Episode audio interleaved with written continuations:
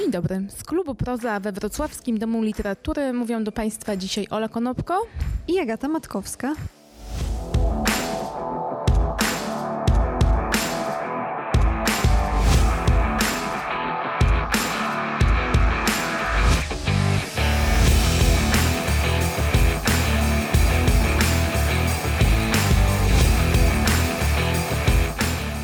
Nami już trzeci odcinek podcastu Radio Proza Przegląd Kulturalny i będzie to tym razem odcinek o nagrodach. W sumie brzmi nieźle, nie? W końcu kto z nas nie lubi nagród? Dokładnie. A tak się składa, że zbliża się sezon nagród literackich, także tych największych, e, takich najważniejszych przyznawanych we Wrocławiu. I myślę tu oczywiście o przyznawanej co roku w październiku literackiej nagrodzie Europy Środkowej Angelus, ale również o przeniesionej w tym roku z maja i przyznawanej jednocześnie z Angelusem wrocławskiej nagrodzie poetyckiej Silesius. Zresztą ta jesień we Wrocławiu będzie wyjątkowo literacka, o czym jeszcze powiemy. E, warto przypomnieć, że ten rok jest również ze względu na zmiany w regulaminie Angelusa i Silesiusa. E, teraz każdy nominowany otrzyma nagrodę finansową w wysokości 5 tysięcy złotych i zwiększa się również e, pula nagrody dwukrotnie dla tłumacza. E, to mhm. jest bardzo duża zmiana, ale także duże zmiany zaszły w nagrodzie publiczności imienia Natalii Gorbaniewskiej. No właśnie. E, teraz interna internauci e, wybiorą swojego faworyta z finałowej siódemki, tak jak w zeszłym roku również, ale autor zostanie zaproszony na trzymiesięczne stypendium do Wrocławia. To jest właśnie ta nowość, prawda? Mhm. Czyli nagroda nie tylko prestiżowa, nie tylko tytuł, ale również propozycja tak. konkretna dla e, laureatki lub laureata. E, I będzie można spotkać ulubionego e, pisarza lub pisarkę na kawie na wrocławskim rynku. No, myślę, że na pewno. Nagroda czytelników stają się coraz silniejsze, mimo że wciąż lepiej pamiętamy laureatów nagród głównych oczywiście. Ciekawa jest na przykład forma Nagrody Konrada, przyznawanej w Krakowie dla debiutantów, gdzie najpierw finalistów ze zgłoszonych książek wybiera jury. Ale z finalistów zwycięzcę wybierają już czytelnicy i czytelniczki. Kto, w, e, kto dostał w zeszłym roku tę nagrodę, pamiętasz? E, w zeszłym roku e, wygrały świetne psy raz drobnych Olgi Hunt. No i tutaj długo można się spierać, czy lepiej powierzyć takie wybory specjalistom, czy oddać głos zwykłym ludziom.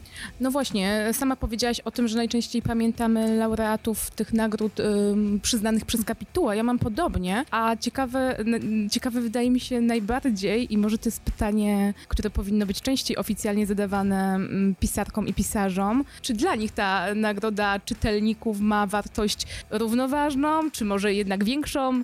To, to jest ciekawy wątek. E, jasne, oczywiście trzeba zapytać, może, może będziemy mieć okazję następnym razem w wywiadzie e, naszego podcastu się tego dowiedzieć. E, interesującym przykładem jest jedna z najbardziej znanych e, nagród literackich w Polsce, E, nagroda Nike od samego początku miała swoją wersję dla publiczności i od razu widać, że czytelniczki i czytelnicy się nie mylą, bo pewnie pamiętasz, kim była pierwsza laureatka. Od razu podpowiem, że była to niezwykła pisarka. No to jak mi już tak podpowiedziałaś, to chyba cię zaskoczę, bo pamiętam. To był 97 e, rok i jeśli chodzi akurat o nagrodę e, czytelników Nike, to dostała ją Olga Tokarczuk. Tak, Olga Tokarczuk była pierwszą laureatką nagrody czytelników Potem otrzymała jeszcze czterokrotnie ten tytuł, mhm. a tylko dwa ostatnie wyróżnienia pokrywały się z wyborami e, jury. I trudno tutaj odmówić trafności wyborów. Mhm, czytelnicy wyprzedzili kapitułę. Tak, i ciekawe jest również to, że Olga Tokarczuk nie została nigdy wyróżniona literacką Nagrodą Europy Środkowej Angelus. No właśnie choć ponoć wiele razy była w ścisłej czołówce. E, w ogóle nagrodę zdobył tylko jeden Polak. E, zdarzyło się to dwa lata temu i był to Maciej Płaza. Mhm, dokładnie, zgadza się. Bardzo fajnie, że o tym przypominasz, e, bo to jest często powracający temat dyskusji wokół tej nagrody. No i właśnie, za chwilę zaprosimy do wysłuchania rozmowy z Jakubem Kornhauserem, którego o Angelusa przepytał nasz kolega Waldemar Mazur. I co ciekawe, będzie to rozmowa według mnie dość wyjątkowa, bo opowiadająca nieco a może nawet nie nieco, a całkiem sporo e, o kulisach pracy jury Angelusa. I tu może wydawać się komuś zastanawiające, dlaczego o tym opowiada nam Kuba Kornhauser, który jest poetą, pisarzem, tłumaczem, jest też znany jako zapalony rowerzysta, e, ale który przecież e, jurorem Angelusa ani nie był, ani nie jest. Ale mogę zapewnić, e, że nasz rozmówca jednak przez lata odgrywał w obradach Angelusa bardzo szczególną rolę. I tak jak to określił Waldek Mazur, ma naprawdę bardzo dużą wiedzę insiderską na ten temat. No a zawsze najciekawiej jest zajrzeć w kulisy. Dodatkowo Kuba wydał niedawno, na początku tego roku, także książkę Preteksty, posłowia, małe kanony literatury światowej, w której poświęcił miejsce właśnie na refleksję dotyczącą przyznawania Angelusa. Tak, polecamy tą książkę również. Także m, mm, faktycznie pretekstów do rozmowy było naprawdę sporo i panowie poruszali w tej rozmowie kilka naprawdę ciekawych wątków, bo na przykład e, mogę ci zdradzić, że Jakub znalazł tam pe pewien klucz do klasyfikowania jurorów nagród. Taki klucz, który z pewnością zastanowienia się i dyskusji, czego Waldek się e, podjął, ale też e, bardzo fajnym wątkiem wyda, wydaje mi się to, że możemy się dowiedzieć z tej rozmowy, jak w ogóle postrzegać środkowoeuropejskość. I na przykład będzie taka ciekawostka, czym ona jest dla Amerykanów. A wyobrażasz sobie obrady ponad 20-osobowego jury? Na pewno nie podczas trwania pandemii. A no właśnie, o tym też będzie w rozmowie.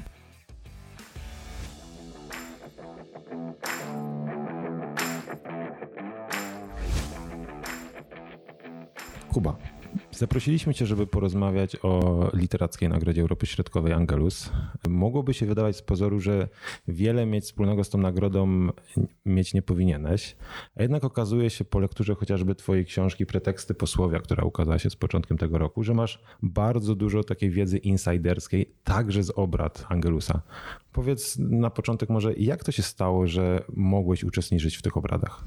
Rzeczywiście jest tak, że po dwóch edycjach pierwszych, w których mój tata był w jury nagrody, w której no, oprócz niego było na początku sześcioro innych jurorów, potem jeszcze troje innych doszło w trakcie kolejnych edycji, no to tak się zdarzyło, że mój tata doznał udaru, w związku z czym nie mógł się fizycznie pojawiać na obradach. No i ja byłem eksponentem taty, reprezentantem, pełnomocnikiem, jakkolwiek by to zwać podczas obrad jury i właściwie było tak, że przekazywałem jego głos, no ale wiadomo było, że ze względu na jego stan, no to ten jego głos był też w jakiś sposób moim głosem prywatnym. Czytałem wszystkie książki, które były zgłaszane i mogłem się tutaj jakoś odnaleźć w tej sytuacji, czyli przez kilka edycji, mniej więcej między 2008 a 2013 rokiem, sześć edycji właściwie, uczestniczyłem w, w obradach, więc no, trochę wiedzy posiadłem, trochę książek przeczytałem i, i nie było chyba tak źle, nie, wstydu nie przyniosłem, aczkolwiek zawsze byłem w takiej sytuacji, że na tych e,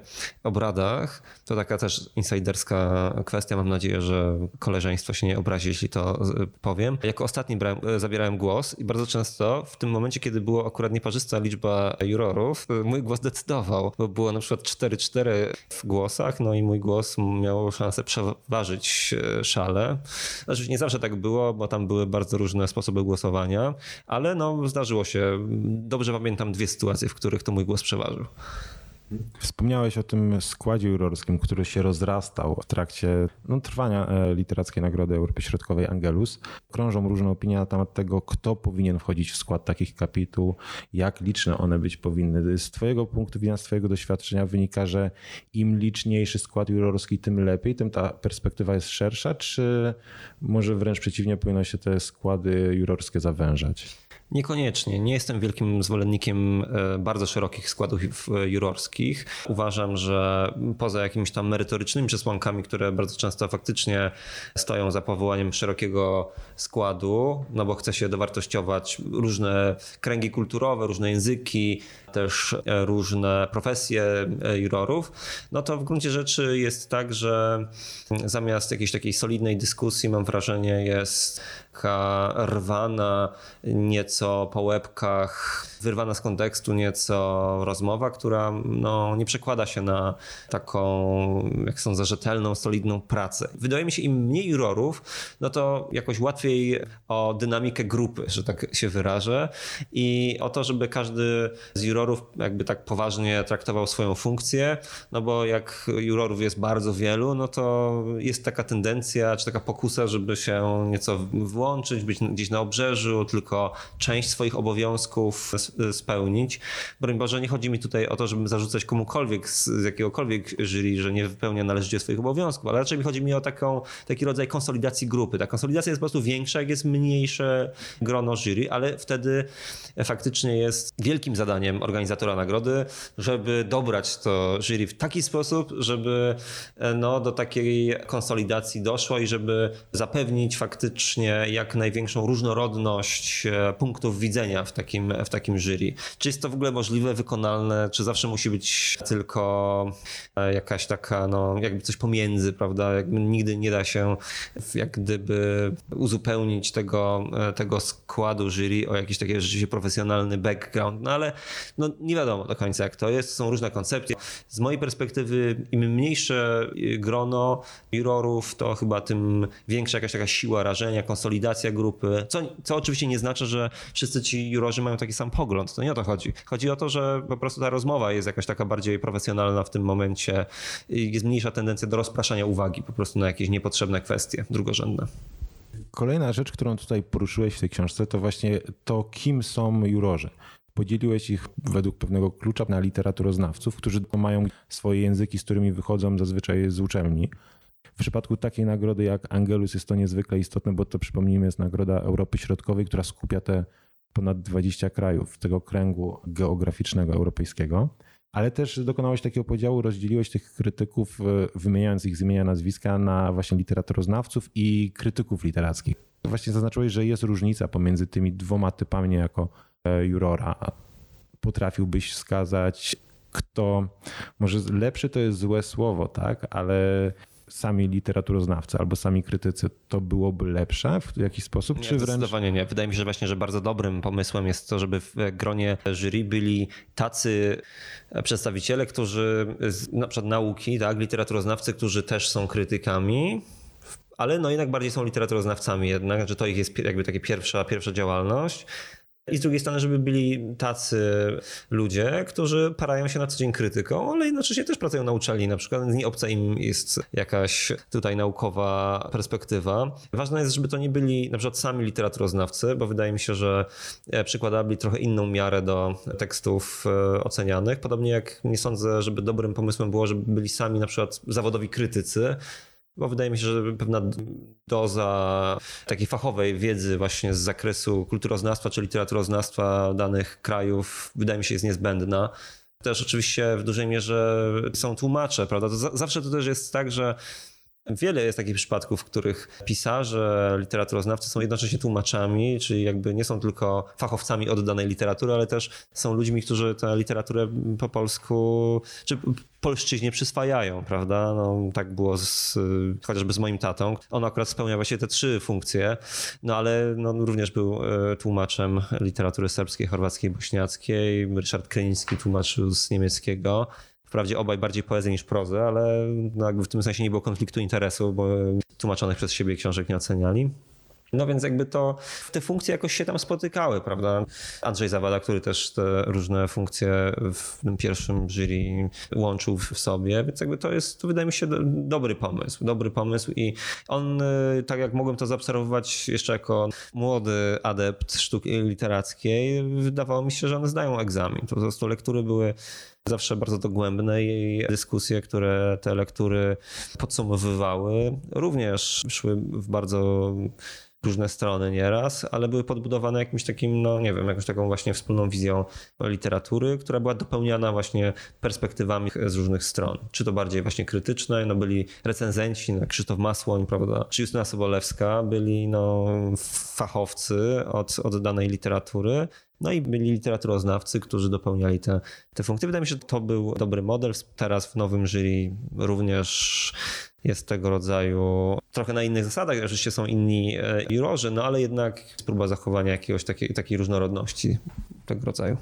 Powiedziałbym nawet, że w obecnym składzie jury jest przewaga literaturoznawców, literaturoznawczyń, akademików generalnie mówiąc. W tej chwili przewodniczącym jury jest Mikołaj Rabczuk z Ukrainy. Wcześniej była Natalia Gorbaniewska nieżyjąca już. Mamy nagrodę imienia Angelusa Publiczności ta obecność osób oryginalnie wywodzących się z innych języków, którzy językiem polskim oczywiście operują, ale nie jest to ich pierwszy język, jakoś zmienia percepcję tej nagrody. Ty widziałeś, ty uczestniczyłeś w obradach jeszcze, w których uczestniczyła Natalia Gorbaniewska. Czy jej perspektywa, jej spojrzenie na literaturę było inne niż tych osób z Polski? Z tego powodu właśnie chociażby, że język, którym czytała książki, to nie był język ojczysty. Tak, wydaje mi się, że to w ogóle jest bardzo dobre założenie. Chociaż nawet pamiętam, pojawiały się głosy krytyczne, że tych przedstawicieli, nie, nie Polaków jak mhm. gdyby, tylko no, polskojęzycznych tłumaczy, publicystów, pisarzy jest zbyt mało nawet. To znaczy, że. Nagroda Szymborskie ma większą reprezentację. No właśnie, no, ale co ciekawe, Nagroda Szymborskiej właśnie jest przyznawana za. częściowo też za tłumaczenie, oczywiście, no bo to jest chociaż jakby losy tej nagrody za, za tłumaczenia szymborskie to są bardzo to na osobną historię, bo regulamin się tutaj zmieniał wielokrotnie, ale nie, nie chcę w tym momencie wchodzić w nie swoje buty. Jednak ci tłumacze, którzy są regularnymi członkami Nagrody Szymborskiej, mieli swój głos, jakby przyznawali nagrodę za najlepszy tomik roku Polski, prawda? No więc jakby to też były głosy krytyczne. Jak to? No, jakby największa w pewnym momencie nagroda poetycka, a przyznają ją ludzie spoza środowiska krytyków literackich, literaturoznawców polskich, prawda? Ludzie, którzy nie mają pojęcia o, o tym, jak jak się w Polsce pisze, prawda, że jakby mają zupełnie, przykładają zupełnie inne miary i tak dalej, i tak dalej. Były, pojawiały się takie głosy. Myślę, że niektóre z tych argumentów miały, były słuszne, niektóre może niekoniecznie, ale ale no to jest jakaś, jakiś punkt widzenia. Tak samo tutaj w Angelusie pojawiły się głosy, że no dobra, no ma być literacka nagrody Europy Środkowej, tak? W regulaminie zostało to zapisane faktycznie w ten sposób, że przyznaje się tę nagrodę nie tylko za najlepszą książkę roku de facto, ale najlepszą książkę realizującą w pewien sposób te wyznaczniki jakiejś takiej tożsamości środkowoeuropejskiej, które jakby ta, ta refleksja na temat tożsamości środkowoeuropejskiej jest obecna a jest tylko Natalia Grubaniewska, tak? czy, czy Mykoła Repczuk teraz. Więc jakby, że to jest dysproporcja w jakiś sposób, prawda, że, że może warto byłoby zaprosić właśnie czy tłumaczy, czy literaturoznawców z innych krajów, którzy zasiedliby w tym gronie i żeby to było grono w pełni międzynarodowe. No ale z drugiej strony, gdyby przyjąć nawet taki e, punkt widzenia, no to mamy dwa, ponad 20 krajów, które wchodzą. To w jaki sposób selekcjonować? Powiedzmy, 7 osób jest jury, prawda? No to dlaczego zaprosić, nie wiem, Serba, nie Chorwata, prawda? Albo zaprosić Rumuna, nie Węgra, Czecha, nie Słowaka i tak dalej, i tak dalej, prawda? No więc jakby tutaj znowu zepchnęlibyśmy się w takie rejony dyskusji, no właśnie, które chcielibyśmy uniknąć, bo chcielibyśmy łączyć raczej, tak? Być inkluzywni, a nie właśnie wykluczać, prawda? Że nie wiem, w jury jest 7 e, osób z 7 krajów, a przyznajemy nagrodę 22 krajom, prawda? Znaczy, to jest problematyczne oczywiście.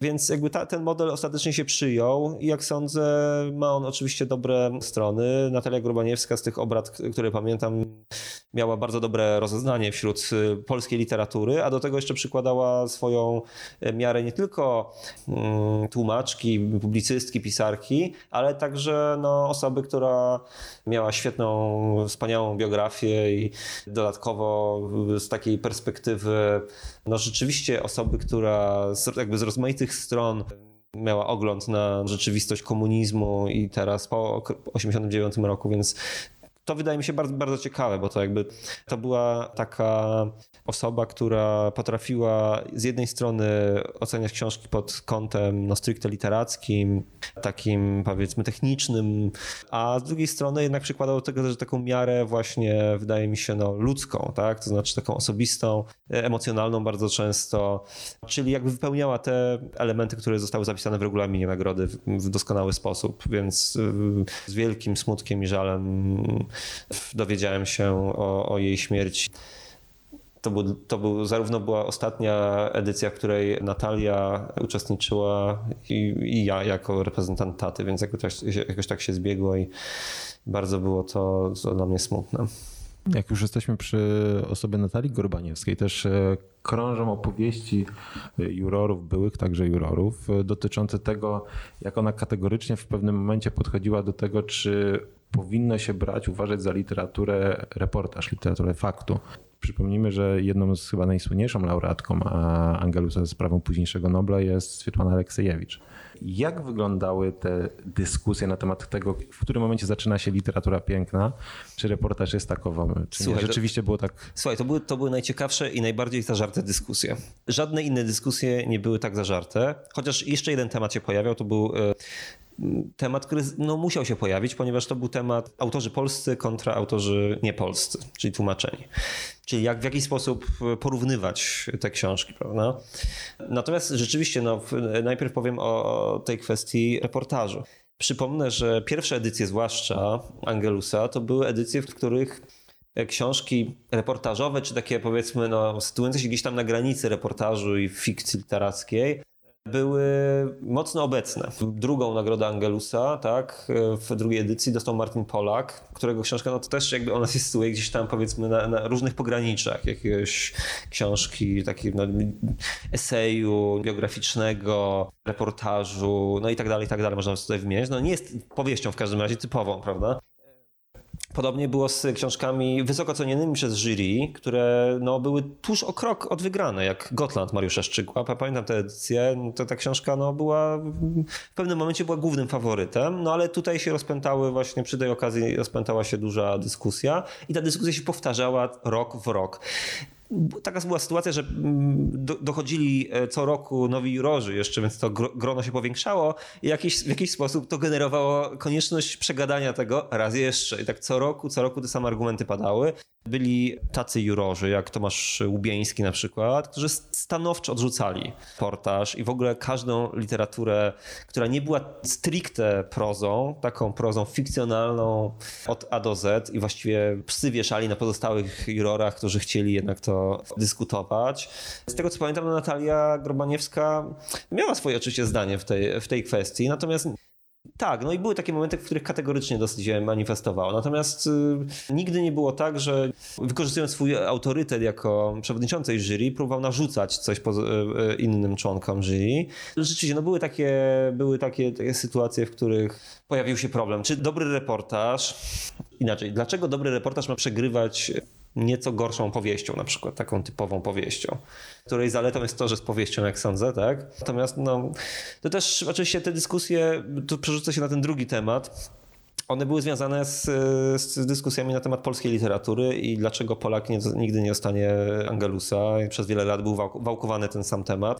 Oczywiście już teraz mamy go za sobą w jakiś sposób, natomiast być może akurat kandydatura Macieja Płazy była najmniej spodziewaną tutaj w tych wszystkich rozdaniach, które były, no bo w siódemkach była i Olga Tokarczuk, i dwukrotnie, i Jacek Denel, i Jacek Dukaj. No i to z takimi powieściami, czy, no i Mariusz Szczygieł, tu, czy z książkami, no, które były bardzo wysoko cenione, tak, tak ogólnie rzecz biorąc, prawda? Niezależnie od tego, czy w naszym y, gronie też, czy nie, ale no, miały dobre recenzje i tak dalej. No i no były takie sytuacje już w pewnym momencie, że niektórzy z jurorów zarzucali pozostałym, że oni nie chcą, żeby Polak dostał Angelusa, że to jest kwestia pozamerytoryczna, tak? Że to nie chodzi o to, że książka jest po prostu gorsza Polaka, bo jest najlepsza, tylko dla, z różnych powodów nie chcą, żeby Polak dostał. Dlatego, że nie wypada Polakom, Polakowi dawać na przykład i tak dalej, i tak dalej.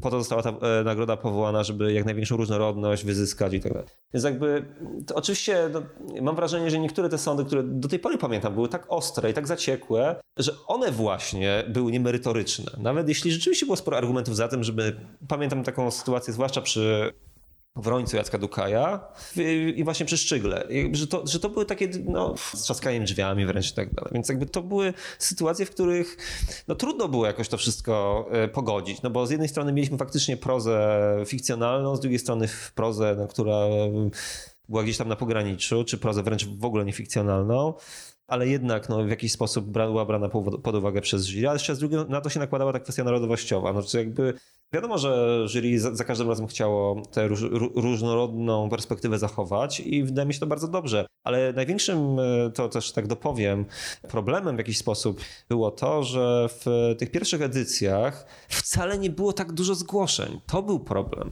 W, porównaniu do tego, co jest teraz, no to, to, to było 35 książek, 40 książek i to większość były polskie książki. I to, to był problem, bo to była pewna dysproporcja. To się wiąże z tym, że te 15 lat temu, czy 10 lat temu, wcale nie było aż tak dużo wydawców, po pierwsze, którzy wydawali literaturę no, z tego kręgu Europy Środkowej, nawet jeśli on jest poszerzony o Rosję, Niemcy i tak dalej, wcale nie było aż tak dużo książek, to po pierwsze. A po drugie, wówczas y, wydawca mógł głosić jedną książkę, y, czy dwie książki, tak? ale nie wydaje mi się, że to była jedna książka polska, a druga zagraniczna. Z tego, jedna musiała być tak, jedna polska, jedna. No właśnie, ale więc jakby to, to bardzo często, bardzo często było problematyczne, bo jeśli jurorzy nie zgłosili sami tej, tej, tej książki do nagrody, jakby z tego mm, dodatkowego jakby naboru w cudzysłowie, no to w takim razie, nie wiem, wydawnictwa, które wydawały po 4-5 książek zagranicznych, mogło, mogły wybrać tylko jedną, którą mogli, mogły zgłosić. I to rzeczywiście był pewien problem, bo było kilka wydawnictw, które wówczas w tych latach, właśnie 2006-10, wydawały bardzo dużo tego typu literatury, czarne przede wszystkim, pogranicza i tak dalej, ale y, nie było jeszcze tak rozwiniętych tych mniejszych oficyn, domów wydawniczych mniejszych, które, które się wyspecjalizowały nagle w wydawaniu właśnie literatury środkowoeuropejskiej, jak książkowe klimaty, y, Amaltea, Afera, mamy sporo takich, y, sporo takich wydawców. Coraz więcej zresztą wydawców jest takich. I, i to był pewien problem. To znaczy, rzeczywiście była pewna dysproporcja na, na, korzyść polskiej literatury, stąd były te głosy. No, jak nie wiem, z 40 książek 30 to były polskie książki, no to, to no było problem. Współcześnie jest zupełnie inaczej. Mamy, z, no, mamy bo, kłopoty bogactwa wręcz. To bardzo dobrze świadczy o, po pierwsze, o rynku wydawniczym, który mm, wziął sobie za cel penetrowanie rynku tego środkowoeuropejskiego, wybieranie coraz to nowych autorów. Co więcej, tworzenie serii wydawniczych, które wręcz dysponują kilkoma, kilkunastoma książkami rocznie z danej literatury środkowoeuropejskiej. A po drugie, dobrze, mam nadzieję, świadczy też o w ogóle o kondycji polskiego rynku wydawniczego, który też wykorzystuje rozmaite środki, czy to nie tylko polskie, ale także zagraniczne, pochodzące z rozmaitych delegatur instytucjonalnych w krajach, poszczególnych krajach Europy Środkowej, do tego, żeby dofinansowywać tłumaczy, dofinansowywać mm, proces wydawniczy. Więc wydaje mi się, że to, to, to mi się wydaje największą zmianą w stosunku do tego, jak Angelus zaczynał. Ty wspominasz teraz i wspominasz też w swojej książce o tym, że właśnie ten rynek wydawniczy się zmienił. Wspominasz tutaj chociażby książkowe klimaty, do których wrócimy za sprawą twojej książki też jeszcze w tej rozmowie, ale ja mam trochę takie trochę inny odbiór tej sytuacji, bo z jednej strony mamy, to są wydawnictwa oczywiście, których jest sporo, ale to nadal są wydawnictwa nie te takie największe, jednak które muszą walczyć o to, żeby być obecne w księgarniach, w empikach, w tych takich e, miejscach, gdzie najchętniej, najczęściej jako społeczeństwo kupujemy książki. Z kolei najlepszym przykładem chyba tego, co się wydarzyło, to jest wydawnictwo czarne, które wypłynęło na literaturze tych małych języków, literaturze środkowoeuropejskiej, ale w tym momencie od tej literatury się odwróciło i zostało jej raptem powiedzmy kilku autorów, którzy gdzieś tam e, zaczynali, zresztą się pożegnali i chociażby już stawiał na literaturę amerykańską, e, tą zachodnioeuropejską. Więc ta siła przebicia wydawać by się mogło, że jednak się nie zwiększyła. Tych wydawnictw jest więcej, ale to są nadal podmioty mniejsze na rynku.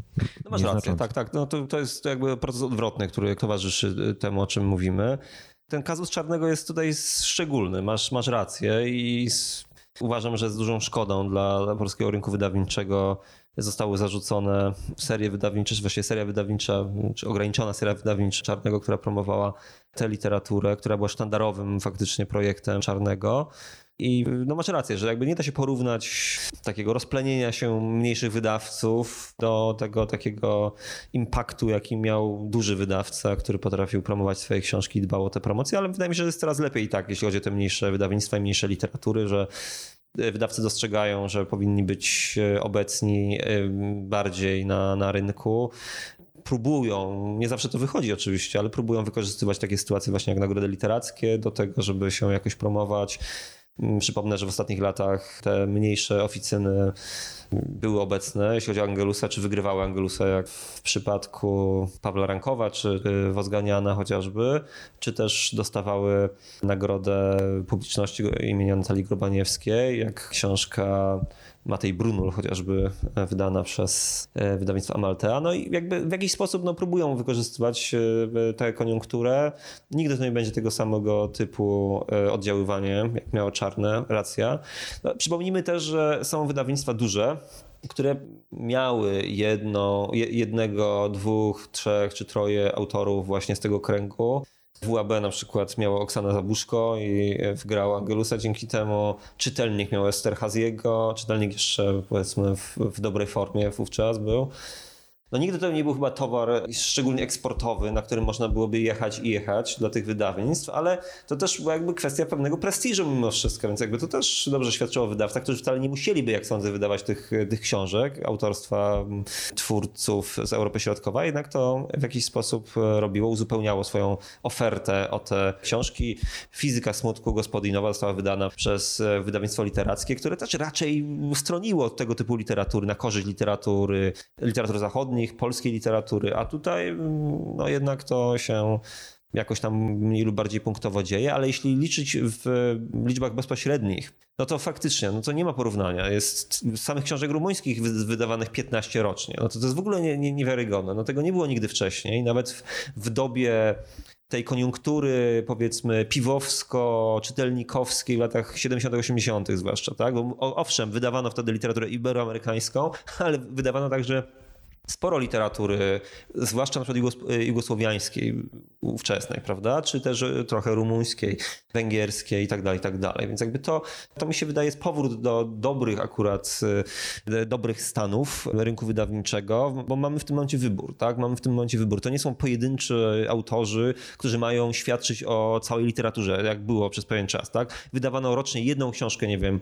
bułgarską czy rumuńską i to jakby ten autor, który miał być wydany, jakby musiał być twarzą całej literatury w danym momencie. A teraz mamy pięciu, ośmiu, może dziesięciu więcej autorów, którzy y, są, y, jakby świadczą właśnie o takiej różnorodności danej literatury, tak? Więc to mi się wydaje dobrym kierunkiem, ale no okej, okay, no zgodzę się z tobą, no nadal jest to w pewien sposób niszowe, no co zrobić, prawda? No, no nic się w tym momencie nie da zrobić. Może jak Rumun dostanie Nagrodę Nobla na przykład, to się to zmieni, czy no nie wiem, Rumuni nie dostali do tej pory Nagrody Nobla, Serbowie, Chorwaci, czekają. Z drugiej strony Środkowa Europa ostatnio dostała dwa Noble w ciągu jednego rozdania, bo i Petra Handke i Olga Tokarczuk w jakiś sposób wpisują się, znaczy w duży sposób wpisują się w tradycję Europy Środkowej, więc to jakiś taki ukłon był w stronę prozy środkowoeuropejskiej, jak sądzę. Angelus jakoś dopomógł temu, żeby, żeby Nobla Środkowa Europa dostała. On oczywiście się trochę śmieje, ale, ale no, to jakby jest, myślę, dobry kierunek. Środkowa Europa, jeżeli spojrzymy właśnie na Europę kluczem tym angelusowym, gdzie Austria właśnie jest ulokowana jako Europa Środkowa, wiele osób by ją, Austria jednak zalicza i Niemcy do, chociażby do tej Europy Zachodniej. To prawda, z drugiej strony jednak Handke jest potomkiem słow, słoweńsko-austriackim.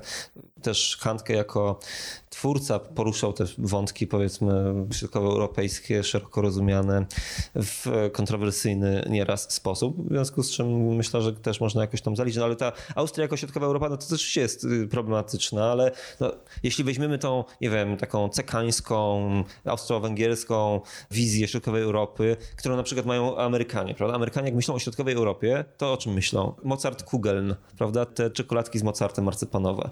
To jest środkowa Europa, tak? Jak Wes Anderson robi Grand Budapest Hotel, to co środkową Europą? No właśnie Alpy, sanatoria szwajcarskie, austriackie, no więc jakby to jest środkowa Europa, prawda? E, Robert Walzer, prawda, jest takim tutaj nośnikiem środkowej europejskości wśród szwajcarskich autorów, czy Aglaja Weterani.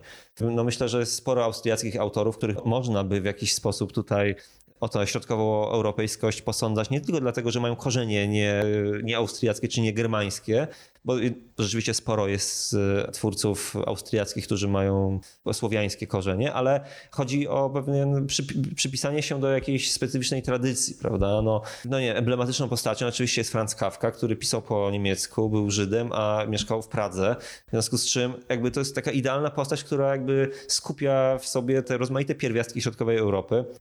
W ogóle jury jest w bardzo trudnej sytuacji, zawsze angelusowe. Jednak trudno porównywać literaturę dużych języków, tak jak właśnie niemiecki, rosyjski, z literaturami malutkich języków, no takich rzeczywiście malutkich, tak?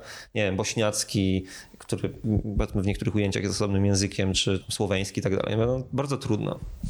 To już ostatnie pytanie dotyczące Angelusa. Wspomniałeś o tym wyczekiwaniu trochę Angelusa dla Polaka, dla Polki i tym zaskoczeniu, jakie było związane z tym, że dostał go ostatecznie Maciej Płaza za Robinsona w Bolechowie. Ja tak się zastanawiam, czy według ciebie to jest fair rywalizacja, bo przypomnijmy, Angelus jest przyznawany książce wydanej w Polsce w roku ubiegłym. Czyli teraz mamy rok 2020, dostanie on książka, która w Polsce ukazała się w roku 2019, ale z jednej strony dla polskich książek, dla polskich autorów to znaczy, to są książki te najnowsze, ale jeżeli chodzi o literaturę już z innych krajów, to są polskie wydania, ale to mogą być naprawdę takie książki, powiedzmy, chociażby jak Nadasza, tak? kiedy dostawał Płaza, uznawane za dzieła gigantyczne, za dzieła powiedzmy pokoleniowe niejako.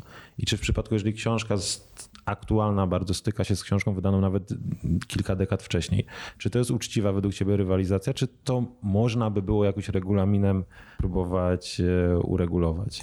No to prawda, to jest bardzo trudna kwestia, która akurat wtedy, kiedy ja uczestniczyłem w obradach jury, e, no nie była aż tak bardzo mocno widoczna, bo tych książek było po prostu jakoś mniej i zazwyczaj te tłumaczenia, które były, były raczej z książek w miarę nowych, znaczy takich, które były tłumaczone z, z opóźnieniem góra kilkuletnim, nie wpływało to na ich wydźwięk, także jakby tutaj trudno to oceniać.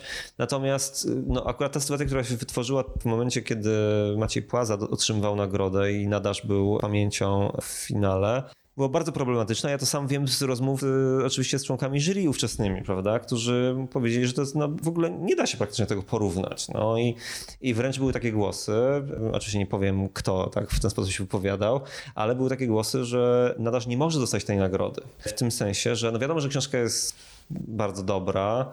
Pamięć. Pamięć, tak.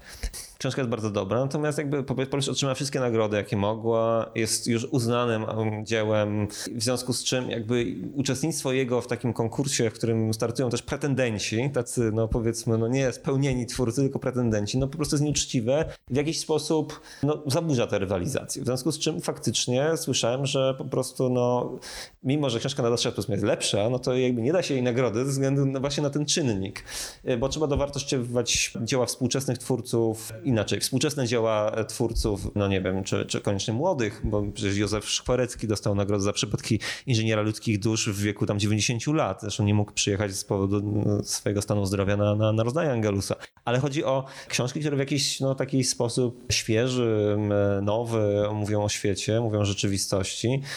E, więc wydaje mi się, że w ogóle ta decyzja była po części powodowana właśnie tego rodzaju kalkulacją, że jakby pewna kontrowersja, która wytworzyła się przy tym wyborze, właśnie była jakby celowym gestem ze strony jury, jakby w stronę takich utworów bardziej jakby na czasie. Ale swoją drogą, wiesz, no Nagroda Szymborskiej, mimo że jest przyznawana za tomik roku, Czyli jakby tutaj nie ma tego problemu, bo jakby każdy może napisać tomik roku, niezależnie od tego, ile ma tomików w dorobku i kim jest de facto.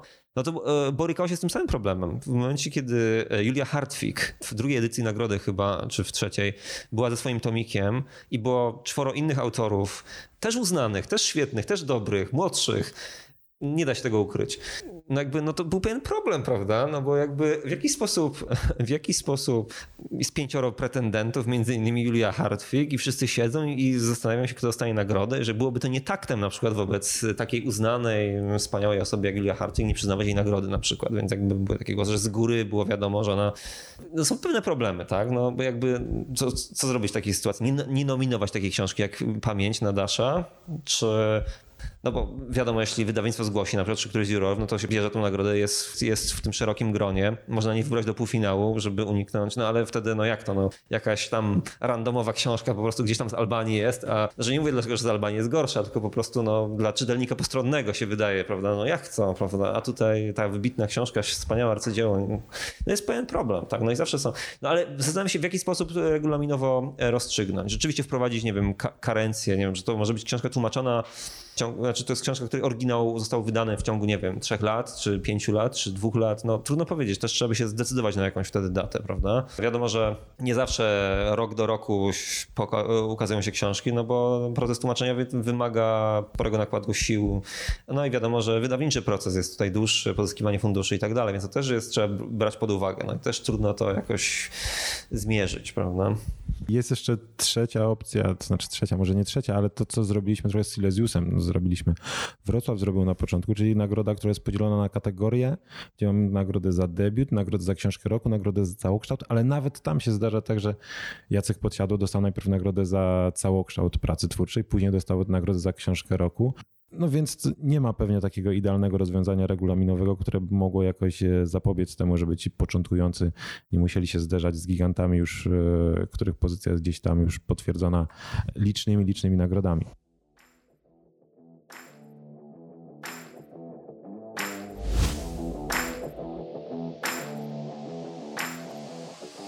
Drugiej części wywiadu naszego kolegi z Kubą Kornhauserem szukajcie w kolejnym podcaście Wrocławskiego Domu Literatury, ale pamiętajmy, że jesień w mieście literatury to nie tylko Angelus i Silesius, ale także Bruno Schulz Festival, a także będziemy obchodzić oczywiście ogłoszenie Nagrody Nobla dla Olgi Tokarczuk, co zaobfituje wieloma ciekawymi wydarzeniami połączonymi z inauguracją działalności Fundacji Olgi Tokarczuk. Także jesień w mieście literatury UNESCO zapowiada się bardzo ciekawie i tak naprawdę to wszystko już w październiku. Tak, i o tym e, z pewnością bardziej szczegółowo opowiedzą nasi koledzy w kolejnym odcinku. A teraz już czas na wysłuchanie poleceń, tym e, poleceń książkowych. Tym razem e, od Pauliny Małochleb, krytyczki i historyczki literatury, wykładowczyni na Uniwersytecie Jagiellońskim, która za moment opowie Państwu, po co warto sięgnąć i co warto przeczytać. Dzień dobry. Chciałam dzisiaj opowiedzieć Państwu o dwóch książkach. Będą to dwie powieści i dwa przykłady.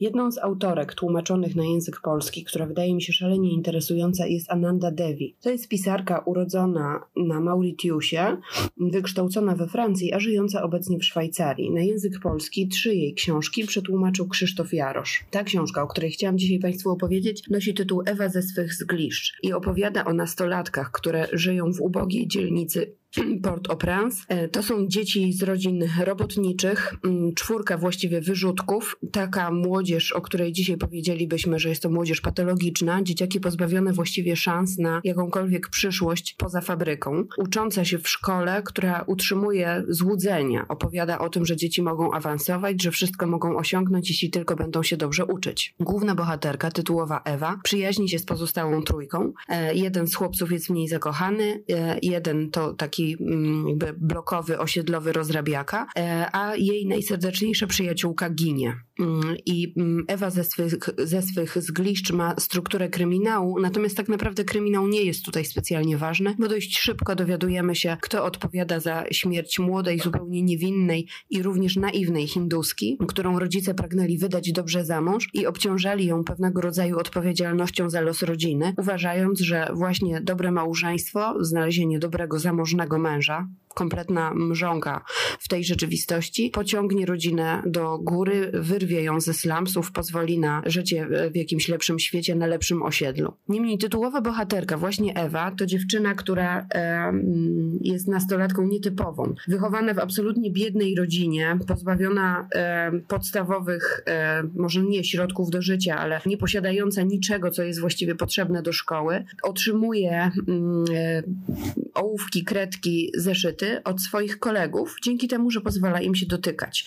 I tutaj ten wymiar, właściwie nie mitu, ale pewnego rodzaju przemocy seksualnej, na którą ta Ewa się zgadza, którą akceptuje i którą w pewnym momencie przyjmuje jako swoją strategię obcowania ze światem, jest bardzo ważna.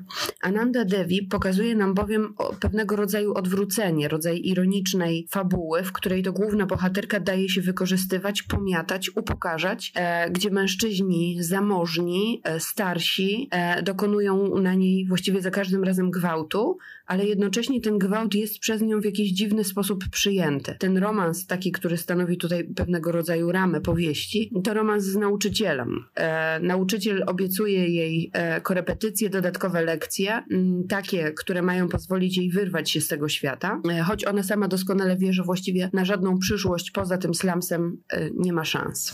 Druga powieść natomiast to tekst, który opowiada o innej nastolatce. To powieść Mur Duchów e, Sary Moss przełożona na język polski przez Paulinę Surniak. I ta powieść opowiada o mm, nastoletniej dziewczynie, która e, żyje w przemocowej rodzinie, bita, prześladowana, tresowana przez ojca, e, z matką absolutnie akceptującą przemoc i również e, ofiarą tej przemocy ze strony męża. Główna bohaterka nie potrafi, mimo że jest bardzo inteligentna, nie potrafi się wyzwolić z tego takiego zaklętego kręgu przemocy, zwłaszcza, że umacnia umacnia w tym poczuciu winy, w przekonaniu, że to ona w jakiś sposób zawiniła, umacnia ją matka.